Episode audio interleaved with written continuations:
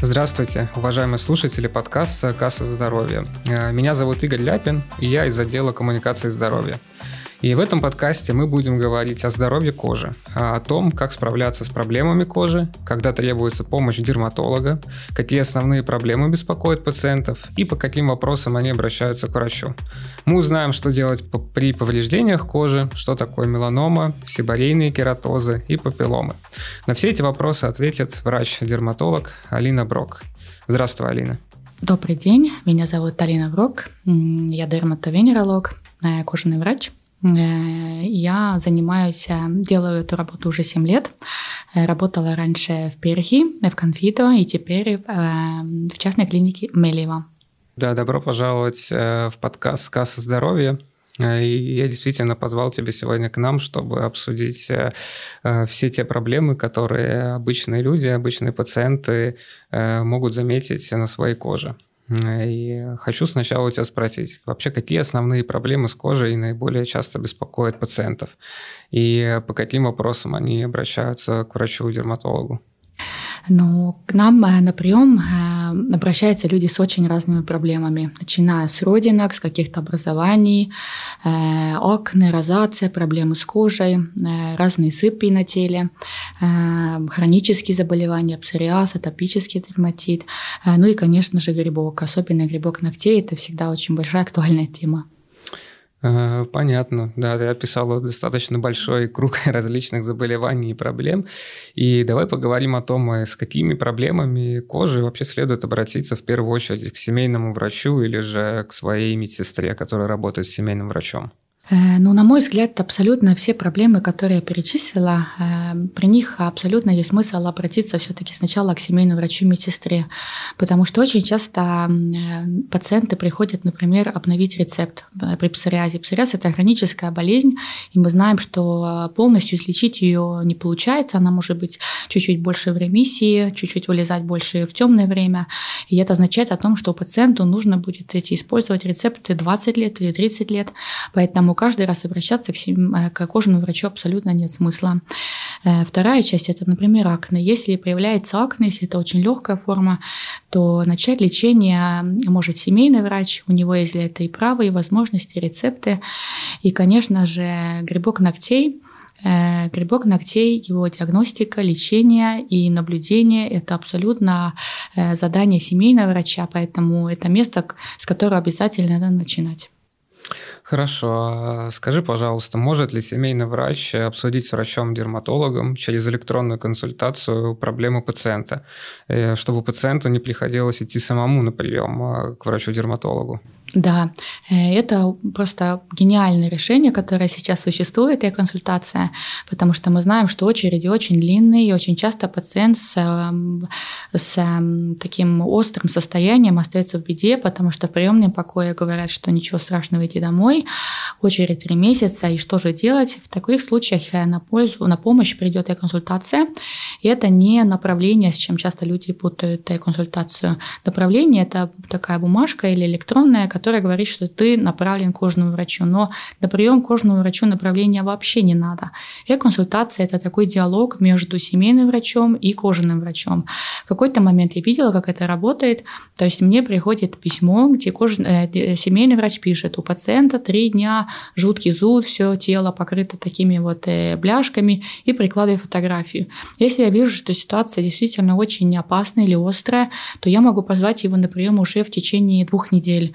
Это, конечно, облегчает э, и задание э, семейного врача, что он может помочь, и э, состояние пациента, когда он знает, что помощь скоро будет. Супер.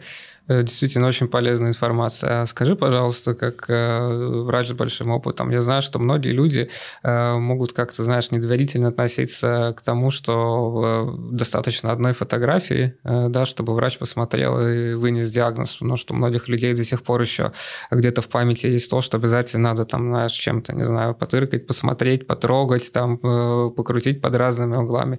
Если ты говоришь, что действительно достаточно, чтобы семейный врач прислал тебе фотографию, фотографию проблемного участка кожи, то для тебя, как для врача, в принципе, картина достаточно ясна. Но опять же, э-консультация, консультация не обязывает кожаного врача принимать решения. То есть, опять же, из моего опыта, насколько я видела, как система работает, если я как кожаный врач вижу, что э, мне недостаточно информации, опять же, при родинках мы смотрим, диагностируем при помощи дерматоскопа. Поэтому, если я вижу, что я не могу дать ответ, э, я так и напишу, что мне нужно позвать пациента на прием, и тогда я его зову. То есть э, решение о том, хватит ли этой фотографии, достаточно или нет, принимать принимает кожаный врач. И, естественно, ни один кожаный врач не хочет брать на себя лишнюю ответственность, поэтому всегда взвешиваем риски, достаточно или нет. И если это сыпь, обычно она очень типичная, э, и фотографий достаточно хватит, чтобы как минимум оценить объем проблемы. Понятно, спасибо. Я бы сейчас хотел поднять такую тему. Возможно, кому-то покажется, что в наших э, условиях Эстонии это достаточно, ну, не знаю, смешной вопрос, но все-таки я его тебе задам. Потому что лето у нас, как известно, достаточно короткое, и солнца у нас очень мало, но все же. Опасно ли солнце для кожи? Э, солнце для кожи опасно. Это абсолютный факт. Здесь уже никак не поспорить. И эм, э, вот э, очень, если бы я могла изменить хотя бы одну, а, а, одну мысль, которая в голове у людей сидит, это то, что солнце полезно. Потому что и все равно приходят люди, которые говорят, ну, доктор, а как же D-витамин, а как же здоровье? И они не понимают, что хорошо, D-витамина мы получаем. Ну, во-первых, для D-витамина нам хватит пройтись в шортах, футболке 10 минут по парку, и мы уже получили эту дозу витамина D. Витамин у нас где-то в какие-то, не знаю, цистерны не откладывается, поэтому все, что после 10 минут, это уже идет э, повреждение кожи, старение кожи, это уже может быть начало рака кожи. Поэтому эм, это солнце надо, ну, конечно, не бояться как радиацию какую-то, но понимать, что с ним э, вместе идет очень большой риск для повреждения кожи. Э, хорошо, понятно. Скажи, пожалуйста, что делать э, тем людям, которые действительно, может быть, после нашей холодной весны первый раз э, увидели солнце, побежали сразу загорать или купаться на солнце, и, как мы знаем, получили солнечный ожог, потому что, ну, если ты кожа незащищенная, провел весь день на солнце, то, к сожалению, кожа получает повреждения. Какими домашними средствами можно себе помочь? И возможно ли это вообще после получения солнечного ожога?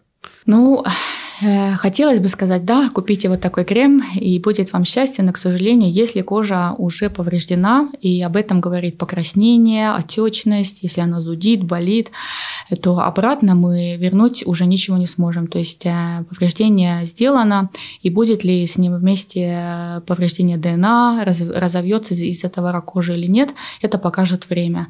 Поэтому самое лучшее лечение – это предубеждение.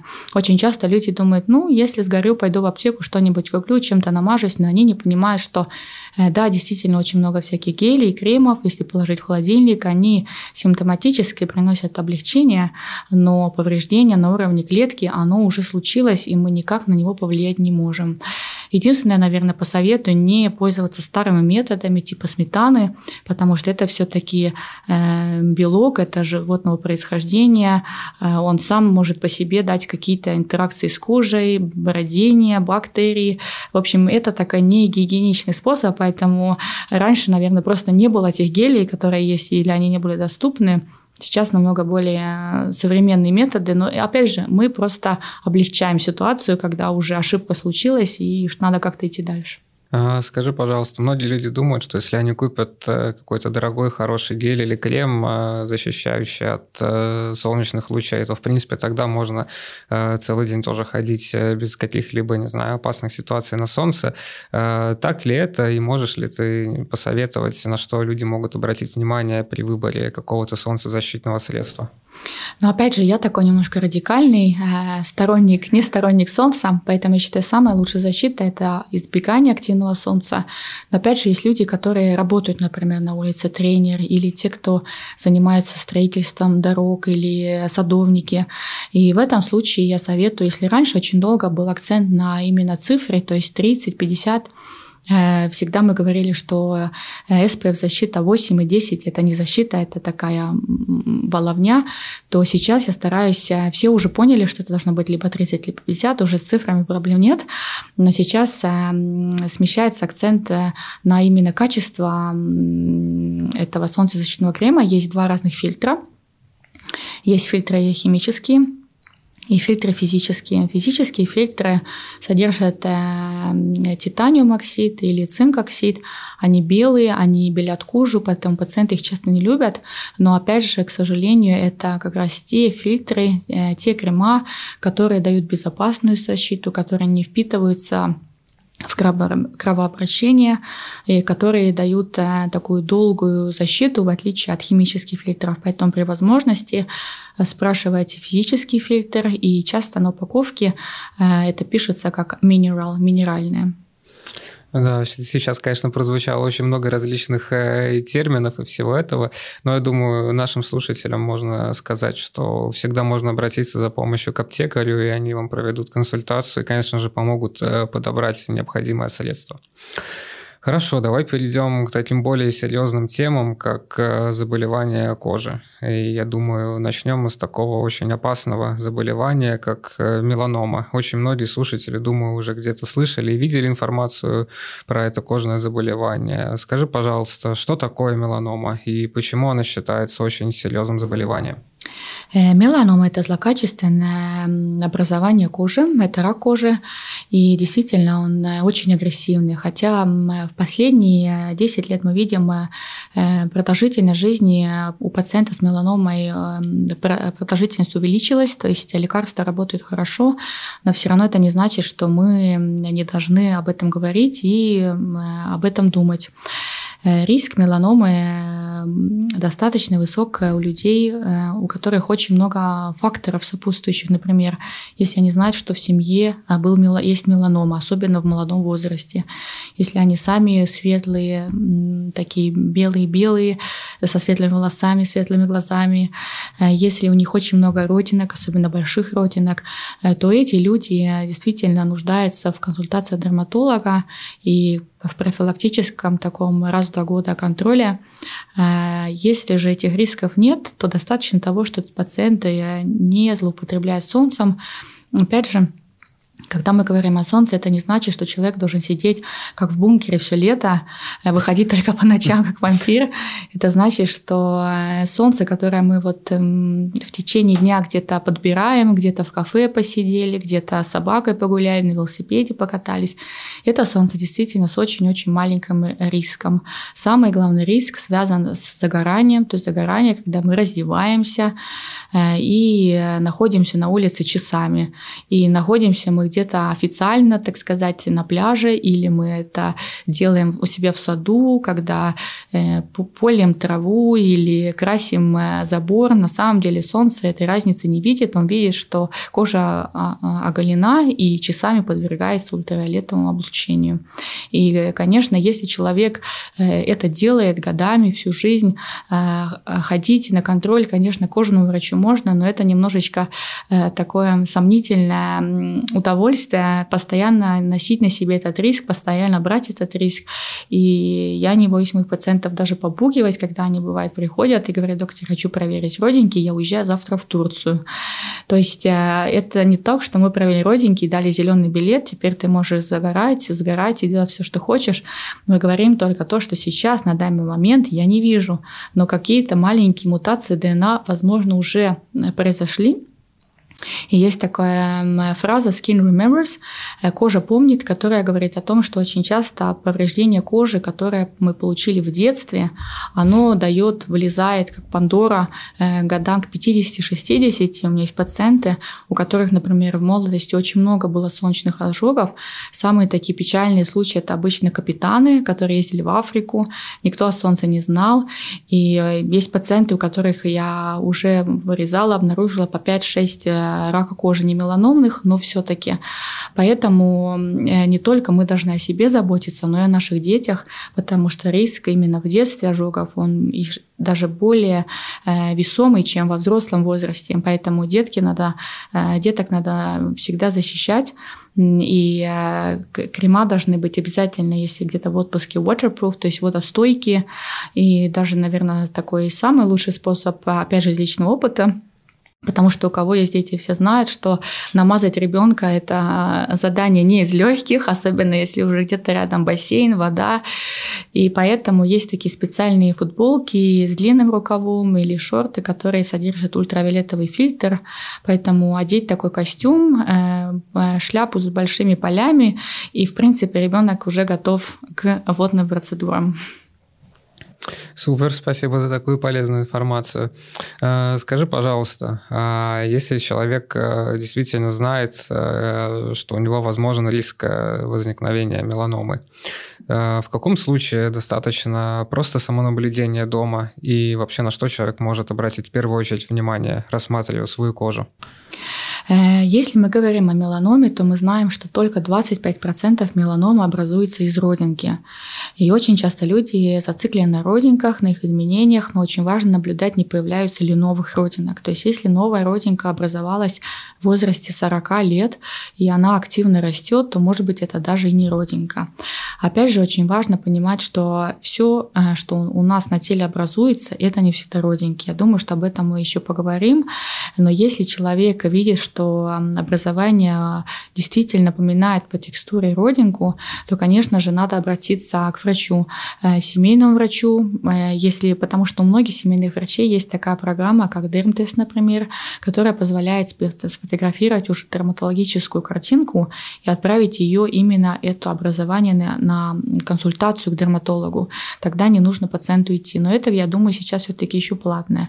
Или если семейный врач видит, что ситуация действительно критическая, Э, например, родинка кровит уже, и какая-то она очень видоизмененная, то у семейного врача есть возможность, опять же, воспользоваться консультацией и направить пациента быстрее, чтобы он не ждал в очереди 3-4 месяца. Хорошо, понятно. А, ты, ты уже сама упомянула, что есть различные другие образования на коже. Давай тогда поговорим о, о таком явлении, как э, папилломы. А, мы знаем, что достаточно распространенное явление на коже. И что это за образование и почему они вообще появляются у людей? Э, папилломы – это доброкачественное образование. Они образуются обычно с возрастом на местах, где у нас э, наибольшее трение. Это подмышки, это пах и это шея, но могут быть даже в складках э, век. Они по своей текстуре текстуры такие, как э, маленькие шарики на ножках, и поэтому они очень легко травмируются. И вот э, с папилломами, наверное, я вижу больше всего существующих мифов. Миф номер один – это то, что это вирус. Как и из названия папиллома говорит, э, люди думают, так, это связано с вирусом папилломы, это заразно, я поражена, вирус по мне ползет. Это абсолютный миф. Исследования многократные показывают, что папилломы или вот эти кожные образования папиллом, они не связаны с вирусом, никогда не были с вирусом связаны.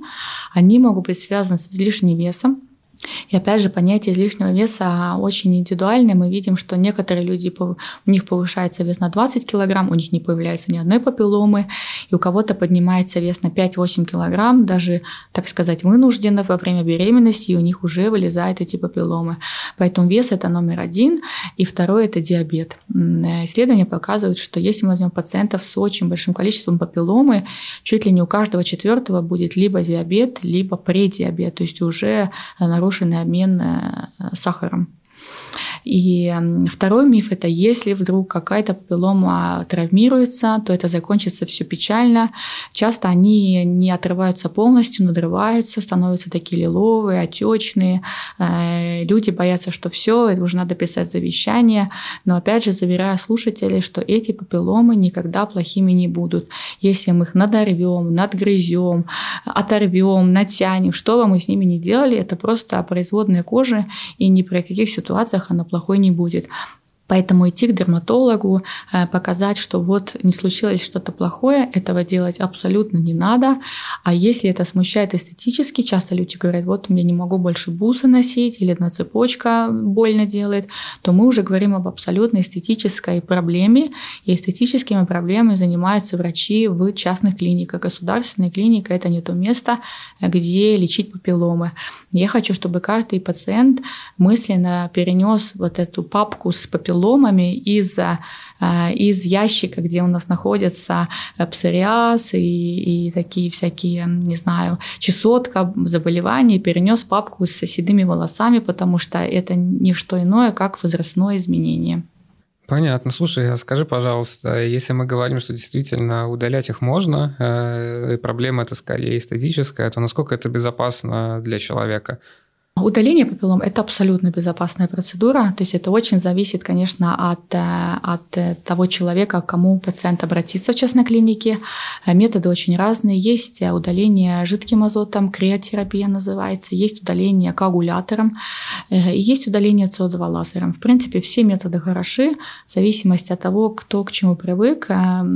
Все методы безопасны, и, конечно, бывает, что папилломы возвращаются, и, опять же, это подогревает развивает миф о том, что все-таки это был вирус, но это опять же связано с тем, что изначально проблема, которая была связана с возникновением вес или предиабет, а эта проблема не решена, и поэтому, конечно, они будут появляться и дальше. Хорошо, спасибо. Давай разберем тогда еще и следующую вещь под названием э, сибарейные кератозы. Скажи, пожалуйста, что это и почему они возникают? Сибарейные кератозы – это тоже доброкачественное образование. Э, сибарейные кератозы, если это первый элемент, он часто может пациента напугать, потому что пациент смотрит все вот эти меланомы АБЦД, да, когда появляется новая родинка, она растет, она черная, и видя на своем теле черное растущее образование, он автоматически думает, ну вот это оно. Э, когда после первого приема к дерматологу или, или даже не дерматологу через э, дермтест или какую-то программу, когда он понимает, что это кератоз, э, часто пациент начинает уже их отличать. Родинки обычно гладкие, и даже на уровне кожи кератозы всегда выпирающие. Если их потрогать, они шершавые часто или даже такие папилломатозные. И они растут обычно очень медленно.